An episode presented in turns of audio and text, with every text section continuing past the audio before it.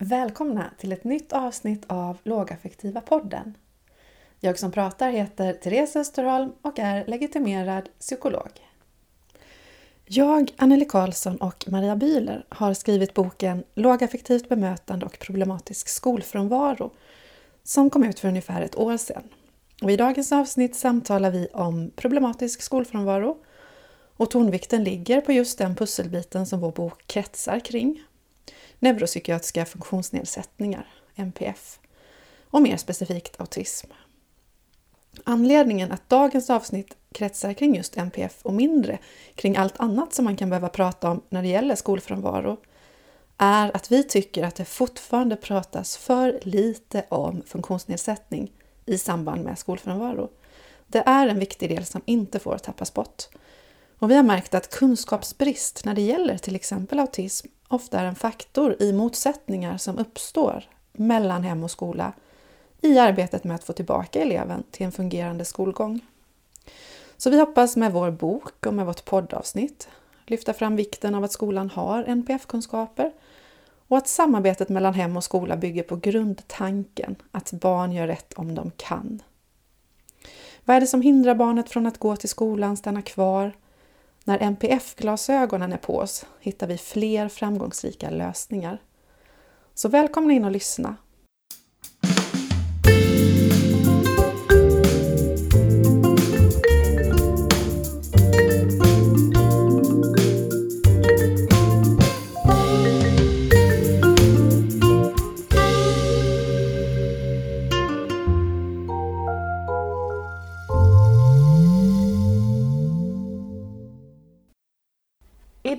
har vi författare till boken Lågaffektivt bemötande och problematisk skolfrånvaro som kom ut eh, för ett år sedan. Samlats för att blicka tillbaka och spana framåt i frågan om skolfrånvaro. Och med vi så menar jag mig själv, Therese Österholm, Anneli Karlsson från Funkkonsulten AB och Maria Bühler från Cogita Psykologi AB, även känd från nätverket Lågaffektiva psykologer. Välkomna! Tack! Tack så mycket! Vi ska strax återvända till eh, eh vad som har hänt sen sist och hur vi tänker framåt. Men om vi backar tillbaka till innan vi skrev boken. Varför skrev vi den överhuvudtaget? V vad minns ni? Ja, precis. Vad minns vi? Nej, men det var väl det här att vi alla tre från olika håll i Skolsverige hade, hade lite samma uppfattning sådär av att det var någonting som saknades i debatten och diskussionen kring elever med eh, skolfrånvaro. Ehm, vi började diskutera utifrån att vi just saknade en bit som ju då framförallt handlade om den neuropsykiatriska delen. Och även utifrån det här att vi är intresserade och jobbar utifrån det lågaffektiva förhållningssättet alla tre. Som vi ju, ja nu får jag prata för mig själv, men, men som vi väl alla känner har varit väldigt verksamt i de olika ärenden som vi har varit inkopplade kring. Mm. Ja precis. Eh, så det tycker jag också var liksom en, en grund i att vi tog tag i det. Att vi verkligen hade mött det här på lite olika vis. Och sett hur eh, vissa insatser verkligen kunde göra skillnad. Eh, för mig personligen så var det också ett engagemang som förälder. Eh, där jag dels eh, har egna barn med eh, problematisk skolfrånvaro men också är aktiv och eh, eh, nätverka med andra föräldrar och har sett hur den här gruppen har växt och fått det allt svårare genom åren. Eh, så för mig var det också en ingång och jag vet ju att ni också hade mött väldigt, väldigt många eh, frustrerade, ledsna, uppgivna föräldrar och att vi kände att vi behöver gå in här och se om vi kan göra någonting som kan göra skillnad för några av de här unga människorna. Mm. Och eh, Maria, du satt ju mest med eh, eh, forskningsdatabaser och en massa böcker i, början där. Mm. Vad var det du hittade där? Ja men precis, det var ju lite intressant för jag, jag gjorde ju som jag brukar att jag åkte till universitetsbiblioteket i Huddinge och satte mig och bad om hjälp och söka på eh, utifrån också att jag hade det, de erfarenheterna jag hade som, som skolpsykolog och sådär handlade ju nästan uteslutande om elever med eh, neuropsykiatrisk funktionsnedsättning eller misstänkt neuropsykiatrisk funktionsnedsättning. Det hade jag ju sett under ganska många års tid och träffat många föräldrar på min privata mottagning som beskrev det. Så då tänkte jag att då måste jag åka och söka vad, vad finns det för, för vetenskapligt underlag till det här. Eh, och blev ju då väldigt förvånad. Det, det glömmer jag ju aldrig. När vi stod där jag och den här duktiga bibliotekarien och sökte på olika sökord och, och hittade liksom i princip ingenting om detta. Eh, utan fick göra om sökorden och hamnade hela tiden istället i sökord som handlade om eh, ångest kan man väl säga kort sammanfattat. Ångest och depression fanns det ju väldigt mycket skrivet om och framförallt separationsångest och skolfrånvaro. Så, så det, det minns jag att jag blev lite tagen av och, och började först sådär tänka att nu, nu är vi helt fel ute och det här måste ju vara jag som har gjort felsökningar och bibliotekarien som inte kan. um, och sen insåg jag att ja, men det här fältet är nog ganska obeforskat än så länge. Man har liksom inte riktigt haft på sig de glasögonen blev ju min slutsats. Så. Mm. Um, och sen, sen under, under resans gång när vi skrev den här boken så kom det ju en artikel Eh, under 2017 eh, från Munkhaugen med flera som, som faktiskt hade undersökt just förekomst av autism i den här gruppen och där man då kunde se väldigt tydligt att det är en överrepresentation när det gäller någonting som de kallar för school refusal behavior då som är inte bara skolfrånvaro utan även annat beteende som man tänker sig kan stå för någon slags motvilja eller svårighet att vara i skolan sådär. Mm, just det, och samtidigt under tiden som eh, vi började skriva på vår bok så kom ju också den här eh, regeringsutredningen av, eh, hon är också psykolog, eh, Malin Gren Landell ut, Saknad. Som ju också ringar in elever med neuropsykiatriska funktionsnedsättningar som eh, riskgrupp Just det. i skolfrånvarofrågan. Eh, och sen rullade det ju på allt mer och mer. Eh, böcker skrevs efter våran bok som, eh, som la just fokuset på vikten av att förstå sig på en eh, neuropsykiatrisk problematik för att kunna arbeta på ett eh, bättre sätt med skolfrånvaron. Ju. Så det har, ju, det har ju rullat på sedan dess. Men vad har mer hänt under det här året som har gått nu då? Eh, vad säger ni?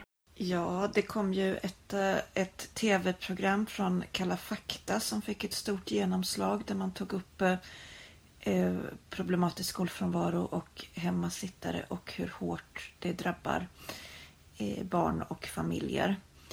Eh, det gjorde ju att fler som familjer som satt ensamma och trodde att det inte fanns fler som dem fick kontakt med andra. Mm. Och utifrån, eh, utifrån föräldraperspektivet som du också har, mm. eh, hur har det sett ut eh, på den sidan sett under året som har gått? Eh, jag ser ju i, jag är administratör i en Facebookgrupp som heter Barn i behov hemmasittare. Den har växt jättemycket. Det kommer eh, många nya eh, medlemmar till den varje dag nu faktiskt. Och Eh, en del av dem är just föräldrar som har trott att det inte är någon annan som har den här situationen innan, som börjar hitta varandra. Eh, och det är vad, jag förstår ute i kommuner och när jag träffar skolor också så är det en ökande problematik att fler barn och unga slås ut. Eh, men också att man faktiskt tycker jag på skolor börjar på att jobba lite mer omfattande runt det.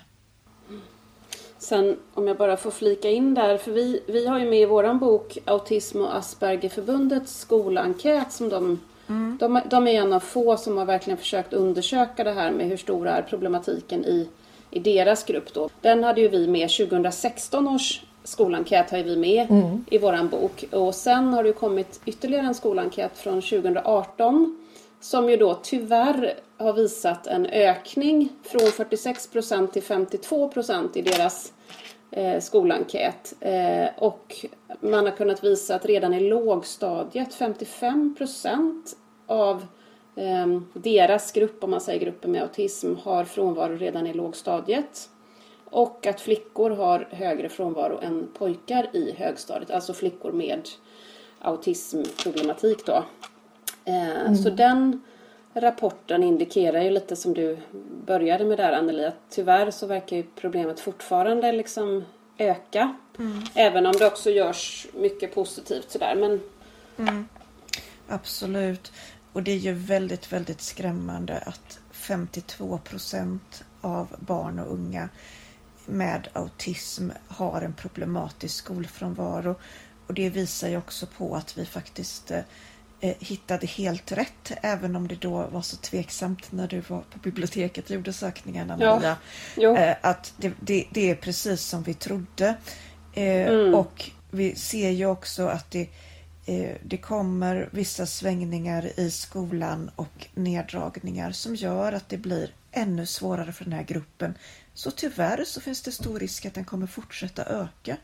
Ja, eller hur. Det, det är väl den stora oron man har tycker jag och på ett sätt som verkligen bara inte känns okej okay, att, att en hel grupp med en erkänd funktionsnedsättning ändå på något sätt slås ut av den skola som vi har i dagsläget. Det är, det är ju verkligen bara inte acceptabelt och, och, och liksom skapar ju lidande på så många plan tänker jag. Mm. För individerna, för familjerna och, och inte minst samhällsekonomiskt. För det är oändligt mycket resurser vi går miste om i den här fantastiska gruppen tänker jag. Mm. Och det här med att det går så långt ner i åldrarna nu känns ju som också nytt. Det har inte varit så många barn som har haft en eh, stor problematisk skolfrånvaro redan på lågstadiet som det är nu.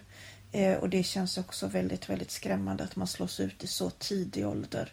Och det kan vi inte riktigt se än hur stora konsekvenser det kommer få för de här Nej. barnen. Nej. Vad ska vi tänka kring, eh, vad ska vi tänka kring att eh att det verkligen inte har förbättrats trots eh, att man har uppmärksammat att det är den här gruppen så har det ändå inte skett någon påtaglig förbättring utan snarare en försämring utifrån eh, skolenkäten som du hänvisar till Maria. Mm. Eh, jag tänker utifrån det som eh, Jeng Millington skriver om i dagens SvD Opinion. Kravet på effektivisering slår ut både elever och lärare. Är det, ett, är det det här effektiviseringskravet, alltså kursplanen egentligen, är det den som... Eh, för den, den har ju inte förändrats under året som har gått nämligen. Eh, den kvarstår ju. Hur stor mm. del kan vi tänka att den faktiskt spelar roll i detta? Ja. Jag tänker på betygssystemet och... Eh... Mm. Jag tror att den spelar en väldigt stor roll. För det är framförallt också därför tror jag som vi ser en stor ökning sedan 2010. Eh, och eh, jag tror ju också att det här att man ute i kommunerna skär ner väldigt mycket på skolor, eh, på skolbudgeten, gör att just de här barnen drabbas mycket. Det som man gör är att man, man tar bort eh, eh elevassistenter, personer som har kunnat finnas där och stötta till exempel och då slås de här barnen ut. Och också att vi inte så ofta placerar barn som skulle behöva det i en särskild undervisningsgrupp.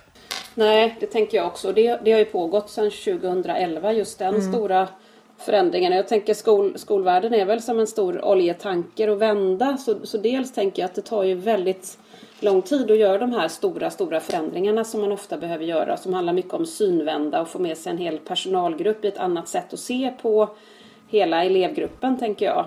Eh, mm. Men sen, sen tänker jag också att det här senaste året, det har ju vi tre pratat mycket om, att det här diskussionen och debatten som har varit i skolsverige har ju också svängt åt ett håll eh, som är mer repressivt kan man väl säga sammanfattningsvis. Det pratas mycket om hårdare tag och olika former av ja, straff eller vad vi nu ska kalla det sådär. Det har ju varit många utspel nu bara de senaste dagarna kring mobilförbud och ordningsbetyg och som mm. hela skoldebatten verkar ju liksom luta just nu åt ett håll som som jag tänker blir extra svårt kanske för den här gruppen som verkligen, verkligen behöver anpassningar och ett flexibelt synsätt kring lösningar.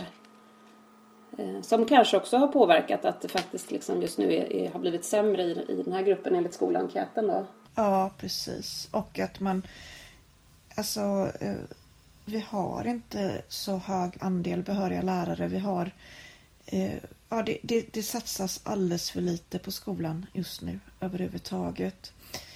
Eh, sen kommer ju nu i sommar då den här eh, läsa, skriva, räkna garantin där man ska fånga upp barn på lågstadiet och ge stöd till de som behöver. Eh, men det är ju så att våran grupp elever med autism framförallt är ju inte alltid så att man har svårt med det ämnesmässiga utan det kan ju vara helt andra saker. Så att eh, det är stor risk att de fortsätter att falla mellan de berömda stolarna. Mm. Och där tycker jag, om jag ser också lite på min kår och om man tänker andra aktörer som, som barn och ungdomspsykiatrin som man har pratat mycket om och som är viktiga aktörer ibland så, så ser jag också en fara kanske just i de här yngre årskurserna som du pratade om Anneli, att man, det är lätt att feltolka de här eleverna och tänka mycket ångest. Jag tycker jag får ganska många sådana berättelser att man, man ser ångest, man ser depression och så kanske man bara går in och behandlar det och, och ger olika förslag till interventioner utifrån en ångestproblematik. Och jag har pratat med ganska många som ändå sysslar med detta med, med just eh, barn och unga med neuropsykiatrisk funktionsnedsättning som verkligen trycker på att man måste alltid ha ett NPF-glasögon på sig om man kommer i kontakt med barn och unga med ångestproblematik. Sen, sen är det klart att det inte alltid är underliggande NPF men vi behöver alltid i alla fall ha med det som en möjlig förklaring och verkligen utesluta det först.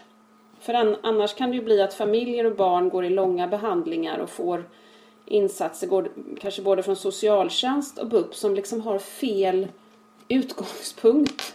Och det kan ju bli helt förödande faktiskt för en del familjer. Mm. Ja precis och det är ju också ett, ett bekymmer nu. Nu känner jag mig väldigt svart i mina framställningar här men eh, det är ju ett bekymmer också att vi har eh, en del skolor och familjer som tillsammans ser att här är ett barn som vi tror har en neuropsykiatrisk funktionsnedsättning Eh, men vi är osäkra och så skickar man en remiss till barn och ungdomspsykiatrin och så får man vänta 24 månader på utredning. Eh, det ställer också till det. Mm. Ja.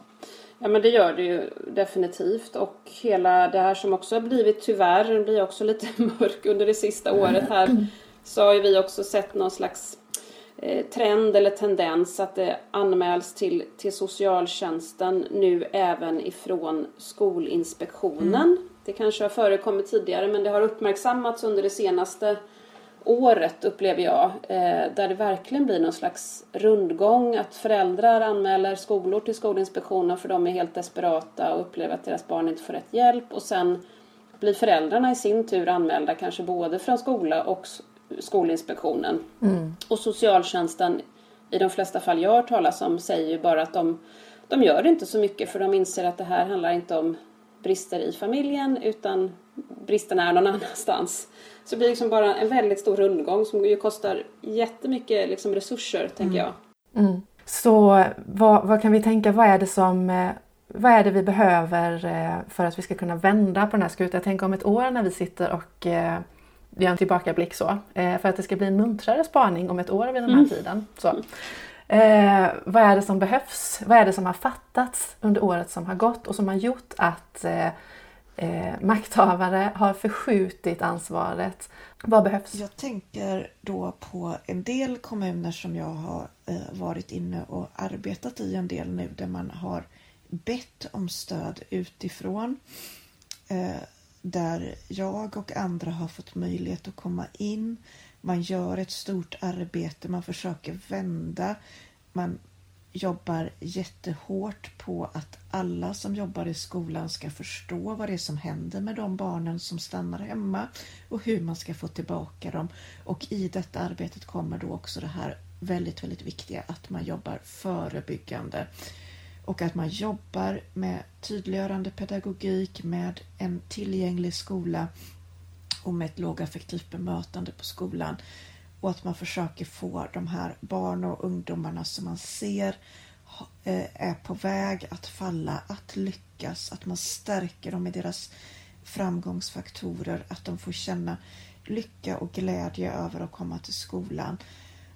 Och jag tänker att det är så man kan vända, att man verkligen gör en stor satsning, att man tar det ansvaret och att man som kommun inte sätter sig och gräver ner sig i att vi kan ingenting göra nu, vi får sämre budget, eh, vi ska ha ordningsbetyg eller vad som nu kommer hända, utan att man försöker istället ta ansvaret och se vad kan vi göra? Vad kan vi som enskild huvudman göra?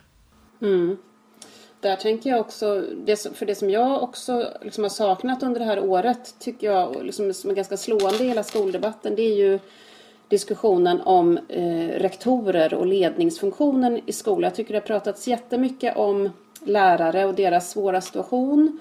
Eh, men, men jag tänker också utifrån det som du säger Anneli att allt handlar ju om hur man, hur man organiserar sin egen skola utifrån de medel man har. Det finns ju ändå ganska mycket man kan göra inom sin organisation och mycket handlar ju det om eh, styrning av, av hela verksamheten som verkligen måste vara uppifrån och ner. Mm. Och där tänker jag att rektorerna skulle man ju verkligen satsa på och kanske se till att de har en dräglig arbetssituation. För de mm. upplever jag är ju extremt belastade och ska lösa allt och gör väldigt mycket olika arbetsuppgifter. Och de ska ju vara ledarna på skolan, de pedagogiska ledarna och som kan styra upp liksom, vilken riktning ska vi gå i det här svåra arbetet som du beskriver Anneli med förebyggande och, och så. Mm. Eh, det skulle jag verkligen önska att man liksom mm. gjorde deras arbetssituation lite mer dräglig. Absolut. Så det handlar om, eh, det handlar om dels eh, eh, att verkligen ta ansvaret och att sedan styra upp i verksamheten utifrån det du berättar om rektorns ledande funktion. Om vi tänker på innehållet i vad det är man styr upp kring och det, vad det är man har tagit ansvar kring. Det skulle ju vara riktigt fantastiskt underbart om det blev obligatoriskt på lärarutbildningar att eh, och, eh, neuropsykiatriska funktionsnedsättningar har sin givna plats där, ja. tänker jag. Det skulle underlätta en hel Verkligen. del. Det, för om jag återgår till den här skolenkäten från Autismförbundet så är det ju det som de medlemmarna som har svarat, det är ändå ganska många medlemmar som har svarat på den enkäten, så det som de anger som orsak till att det inte funkar för deras barn det är ju bristande autismkompetens och anpassningar. Så då handlar det ju också mycket om att, att utbilda sig och få fortbildning kring detta, absolut. Och det behöver ju komma in redan under grundutbildningen. Mm. Mm, precis. Och sen måste man då kompensera för att vi idag har eh, så väldigt många lärare som inte har fått det under grundutbildningen och då behöver skolor gå ta ett ansvar och göra en ordentlig fortbildning runt detta det jag känner, de skolorna som lyckas, det är de som gör det under en tid och man gör det som ett liksom, riktigt fortbildningspaket. Att det inte bara handlar om en enskild föreläsning utan det handlar om ett, mm. eh, om ett, om ett långt arbete där man gör och följer upp och man tar med hela skolan, man tar med elevhälsoteamet mm. och gärna servicepersonalen och mm. alla som möter mm. eleverna på dagarna. Ja, jag håller verkligen med. Och där finns det ju också, jag tänker ibland när man pratar om sånt här så, så blir det ju mycket man tänker att oh, det här kostar jättemycket pengar och sådär. Men, men där finns det ju också det här fantastiska studiepaketet via SBSM som är helt online och webbaserat där ju skolor verkligen kan kliva in och, och, och bara liksom börja. Men, men då handlar det också om att sätta av tid och göra det lite mer långsiktigt som du säger Anneli. Det tror jag också är mm. jätte, jätteviktigt. Om man tänker på, för nu är vi inne lite grann på kostnadsfråga för den, den styr ju också eh, dessvärre. Men frågan är vad skulle man vinna på att eh, man faktiskt ser till att göra en gedigen satsning på MPF i, i skolan eh, för att minska eh, eh skolfrånvaron. Om vi tänker, eh, vad kostar det att ha det så som mm. det är just nu? Det finns en sån här ordentlig undersökning som gjordes 2016 av Eva Nilsson Lundmark och Ingvar Nilsson som heter En socioekonomisk analys av föräldrar till barn med Aspergers syndrom och autismspektrumtillstånd. Och där har man gått igenom väldigt noga och man Eh, räkna lite fram och tillbaka och titta på det här vilka effekter det får. Eh, man har alltså räknat in eh, åtminstone 150 olika kostnadsposter som förändras. Det är ganska intressant att det är så mycket som gör så många olika saker där det ger effekt. Men man ser ju att det kostar åtminstone över en miljon kronor per barn och år som vi har en problematisk skolfrånvaro. Det kan man se. Mm, mm. Ja, precis det. Och det är ju, det är ju hårresande siffror och, och, samtidigt, jag tänker också bara på liksom det mänskliga lidandet såklart i familjerna blir ju, blir ju enormt. Eh, där har vi ju Malena Ernmans fina utlämnande bok där hon beskriver hur det var i deras familj och det otroligt stora lidandet. Men sen tänker jag också för pedagogerna och skolpersonalen, för det, det är min erfarenhet att det blir ju det blir ofta en väldigt stor känsla av misslyckande och mm. liksom van, vanmakt kring de här eleverna. Där man också känner sig liksom dålig som professionell och Eh, och det är ju också kostnader på något Absolut. sätt. Mm. En sak som jag har upplevt har varit positivt sen vi skrev den här boken och som jag själv har börjat jobba mycket mer med. Det är ju, det är perma om man pratar lite verktyg. Eh, det skriver ju Bo Heilskov om mycket på sin hemsida så det kan man ju gå in och läsa om. Han har skrivit flera artiklar och har jättefina kartläggningsmaterial. Men, men perma handlar ju om positiv psykologi vilket ju är, kan låta lite så här tramsigt första gången när man hör det. Men, men det är ju otroligt kraftfullt och, och liksom väl beforskat och sådär. Då finns det ett verktyg som, som heter PERMA då. Och PERMA står för eh, positiva emotioner, engagemang, relationer, mening och att uppnå. Så, och så gör man en ganska strukturerad kartläggning utifrån det här som vi också har med exempel på i boken. Och det har jag upplevt att när man ger ut de här kartläggningarna och börjar prata om perma med skolpersonal så, så händer det någonting. Liksom. Det blir, blir ett skifte i fokus och det blir just där, okej okay, vi ska fokusera på det som faktiskt funkar. Ibland är det ju pyttelite som funkar men, men just det här kan vi, där är det någonting som funkar och där kan vi kanske ändå bygga vidare på det. Och det, det tycker jag ändå skapar någon slags av känsla av hopp liksom, som kan behövas kring de här eleverna. Mm, jag kan verkligen bara förstärka dig där Maria för att jag har också jobbat väldigt mycket med det på sistone med skolpersonal och det, det ger något, alltså det, man skiftar verkligen fokus och det blir så positivt. Eh, bara, bara man börjar med det liksom. Mm. Jag tänker en grej som, som det här verktyget eh, gör det är ju att man behöver använda sin empati. Man behöver ju börja sätta sig in i eh, eller bli nyfiken på eh, vilka stunder är det under dagen som eleven eh, ja, men, verkar tycka är meningsfulla och när är det vi ser de här eh, ja, men, leendena eller eh, vilka relationer är det eh, som, som barnet eh, verkar trivas bra i och mm. utvecklas i och sådär. För jag tänker just att eh, i det som har hänt under det här, senaste, det här senaste året och alla de här stormarna som har blåst i skolans värld så har eh, empatin gått lite grann förlorad kan jag tycka.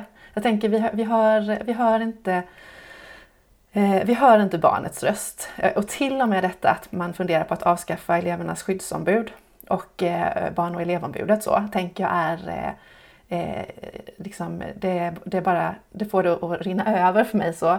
För eh, elevens eh, perspektiv behöver vi plocka tillbaka på något sätt. Och det kan man ju behöva plocka tillbaka med hjälp av ett, ett verktyg i så fall, om man har svårt att på egen hand föreställa sig hur det kan vara. Mm. Ja, jag håller verkligen med. Och där då tänker jag också på din, din blogg, Therese. Du skriver ju väldigt mycket fint om det där. Senast så skrev du någonting om empati, det empatiska ledarskapet. Det är ju så viktigt. Jag håller verkligen med. Eh, och det, samtidigt tänker jag också att när det har man ju också sett i en del studier som Bo Heilskog brukar referera till att när, när vi blir stressade så minskar vår förmåga att vara mm. empatiska. Så det kan ju också bli en negativ spiral men, men just där tycker jag också att det här permaverktyget kan vara en jag tänker det kan vara en första hjälp för personalen där att så just börja hitta sin egen empati. Mm. Eh, som jag tänker att all, alla vill ha tillgång till men, eh, men ibland när vi är tillräckligt stressade så är det jättesvårt att få fatt på det. Liksom. Mm. Jag tänker också att man kan ta hjälp av andras berättelser för att eh, nå till eh, eh för, för, för att eh, börja aktivt använda sin empati igen. Eh, nu kom ju i dagarna den här eh, filmen The Kids Will Lose ut. Det är ju en film som eh, psykologen Ross Green eh, står bakom bland annat. Ett känt namn i skolvärlden tänker jag. Eh, den här filmen är ju, jag, jag, har inte sett hela, jag har sett lite klipp i den. Har ni sett den ännu? Nej. Jag har sett delar också bara. Mm. Ja, den är ju, eh, det skär i hjärtat på en. Det handlar ju om barn som eh, har beteendeproblem och deras eh, och föräldrars och, och vuxna i omgivningen, deras berättelser och upplevelser och hur eh, vilket enormt lidande det blir när man inte förstår eh, vad som finns under isberget, under det synliga beteendet. När man inte har de här glasögonen på sig. Mm. Eh, funktionsvariationsglasögonen tänker jag. Mm. Eh, för då tappar man barnet. Eh, mm. Mm. Så, eh, så, den filmen är ju en film att, eh, att se, tänker jag. Vad har vi mer att rekommendera när det handlar om att eh, väcka den här empatin för hur det kan vara att fungera på ett annat sätt? Jag rekommenderar ju alltid Lina Limans bok Konsten att fejka arabiska. Mm. Eh, och sen tänker jag också på, på boken som du just nämnde där, Maria, eh, Scener ur hjärtat av Malena Ernman och Svante Thunberg. Ja, den känns väl lite obligatorisk nästan. Ja. Sen har vi Anja Wikströms Ingen familj, en ö. Mm. Sen tycker jag, eh, om man, de flesta är på sociala medier, jag tycker den absolut bästa skribenten som skriver väldigt mycket det är ju Tina Wiman just nu som skriver bloggar och skriver nästan varje dag på Facebook om sin familj och, eh, och sina upplevelser. Och hon är ju hon är både funkismamma och eh, journalist. Hon har en väldigt skarp penna och otroligt kunnig och påläst och eh, också otroligt bra på att liksom beskriva hur det faktiskt blir för familjer. Så det, det tycker jag är värd att följa. Sen har vi ju Anna PG tänker jag som, som är som är en kvinna med, med egen funktionsnedsättning och har haft en ganska tuff resa genom livet men som idag eh, mår ganska bra och som då är en, också en fantastisk stilist och skriver både dikter och böcker och föreläser och är så oerhört duktig på att förmedla hur det är att leva med autism och eh, hur det är att bli missförstådd av omgivningen. Man, jag har lyssnat på henne några gånger och jag blir alltid lika berörd faktiskt av Anna PG. Hon, hon finns också på sociala medier så man kan följa och, och söka upp henne. Eh, och sen har vi Jojje, tänker jag, med Underbara ADHD. Där det finns ett sommarprat från några år tillbaka. Mm. Eh, och en bok som tar upp hur livet utan diagnos ADHD mm. var i, under skoltid och tid som ung vuxen. Ja, Jojje är också värd att lyssna på. Han är ju också en sån där som går rakt in och som man mm. både liksom man sitter och skrattar, skrattar med och gråter med. Verkligen berörande, eller otroligt bra mm. på att förmedla den där historien. Mm. mm. Och så har vi ju Paula Tilly med tänker jag, som en kvinna som skriver utifrån eh, Eh, eh, Eh, eh, Asperger-diagnosen. Eh, hennes, hennes liv. Sen vill jag också rekommendera eh, Alexander Skytte som har en sida som heter Bokstavspedagog. Alex är både pedagog och person med egna diagnoser och har väldigt bra det här delade perspektivet och det händer bra saker där. Han har tagit initiativ nu till någonting som heter Lärarmarschen som kommer vara en demonstration mot neddragningar i skolan helt enkelt eh, under maj månad på olika orter. Eh, och eh, detta kommer också samordnas då så att det kommer vara mycket föräldrar med också. Och det som jag tycker är så härligt här det är att Eh, förut har det varit lite granna så att vi som är föräldrar till barn som behöver mycket stöd i skolan har känt oss lite besvärliga. Vi har känt också att lärare ibland har tyckt att vi har varit besvärliga. Eh, och här kommer ett initiativ där vi delar, där vi tillsammans vill samma sak, där vi inser att någonting behöver göras. Och Det tycker jag är så fint och där tänker jag att när vi pratar om ett år igen att kanske har det hänt någonting stort där. Eh, mm. Det hoppas jag på. Mm. Wow, det låter ju, ja verkligen, vilket hopp du gav där. För jag tänker nu, nu har ändå ett samtal gått från, eh, från den här dystraste dalen till eh, det finns något ljus där i tunneln. Så känns det för mig i alla fall. Jag hoppas innerligt att, eh, att, eh, att, vi, att vi kan bekräfta det om ett år vid den här tiden. Mm. Ja, Nej, men jag, och jag tänker också bara det, fin det finns ju så mycket kraft i den här gruppen. Jag tänker också mm. Greta Thunberg behöver väl nämna liksom apropå Absolut. Vi, vi behöver dessa människor i vårt samhälle. Eh, det, det tycker jag är det stora hoppingivande ändå hur, ehm, eh, hur mycket kraft som finns och hur mycket som har gjorts genom tiderna av gruppen själva historiskt sett för att flytta fram positionerna. Så där känner jag mig ändå rätt så hoppfull att, att det är ju en, en kraftfull grupp som såklart av och till liksom inte orkar men eh, gemensamt så lyckas de ju flytta berg tänker jag. Det, det, roliga är att där kan vi ju koppla ihop eh, den positiva skolfrånvaron. ja, Ja, verkligen. Ja, och det krävs liksom det där autistiska sättet att se på både problemet och på lösningarna för att, för att göra det där som bara Greta Thunberg kunde göra, tänker jag. Mm. Vad säger ni, ska vi avrunda lite grann? Någon avslutande reflektion? Eh... Alltså jag tänker att vi, vi, vi hoppas och tror att eh, skolor och personer på skolor fortsätter kämpa och gör skillnad. Eh, och att eh, egentligen har vi faktiskt inga alternativ utan det är så det måste bli. För Vi kan inte fortsätta neråt, mm. vi måste uppåt. Mm. Ja, håller verkligen med. Och så skulle jag väl vilja också lyfta in det här ordet som Petra Krantz Lindgren, som är en annan bra skribent, har formulerat som föräldrashaming, som jag tycker, det pågår ju väldigt mycket en föräldrashaming just nu och det skulle jag ju verkligen önska att vi kunde eh, komma bort ifrån om ett år om man tittar lite framåt och istället verkligen lyssna på föräldrarna för det finns så mycket klokskap i den där gruppen. Mm. Eh, och om man gör det och också med empatin som du pratar om Therese så, så är det så mycket lättare att hitta lösningar fort.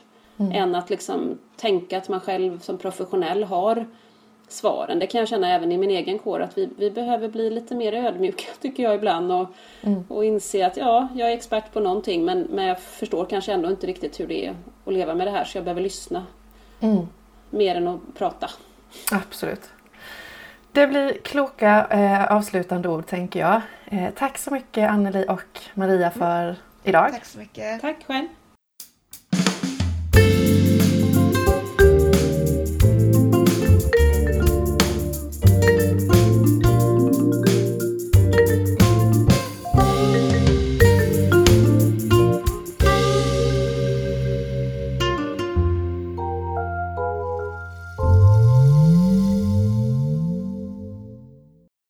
Tack att du lyssnade på det här avsnittet. Hoppas att du fick med dig något att fundera vidare kring.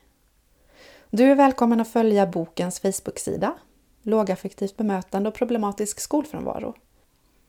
Nya avsnitt av podden är på gång så följ poddens Facebook-sida med så du inte missar något.